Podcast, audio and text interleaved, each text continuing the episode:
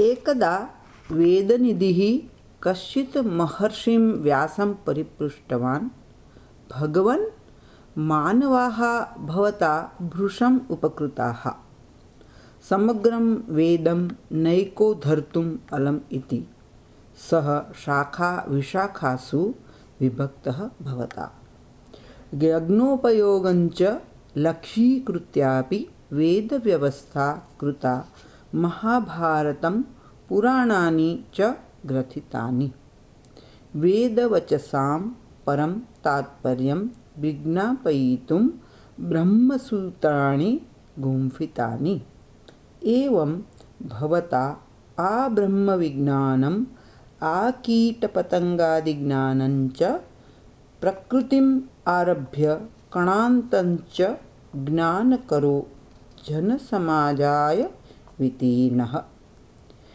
एतत् अहं विविदिशामि यन्मानवः कथङ्कारं भवद्विषये स्वीयम् आधमर्ण्यं कृतज्ञताञ्च प्रकाशयेत्।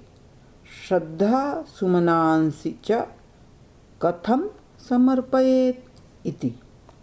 तदा भगवान् व्यासः स्मयमानः एव बभाषे।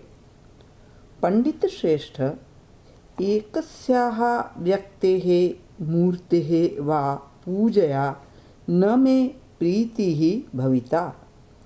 संसारेषु, वर्तमानेषु, सर्वेषु धर्मेषु सम्प्रदायेषु निखिलेषु आचार्येषु च विद्यन्ते मे अंशाः अतः स्वस्य स्वस्य गुरूणां पूजा एव भवति मे पूजा।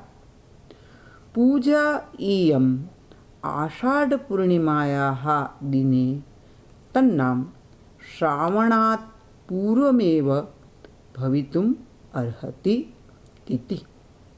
तस्मात् दिनात् आषाढपूर्णिमा व्यासपूर्णिमात्वेन गुरुपूर्णिमा इति तस्य दिनस्य अपरं नाम आचर्येत्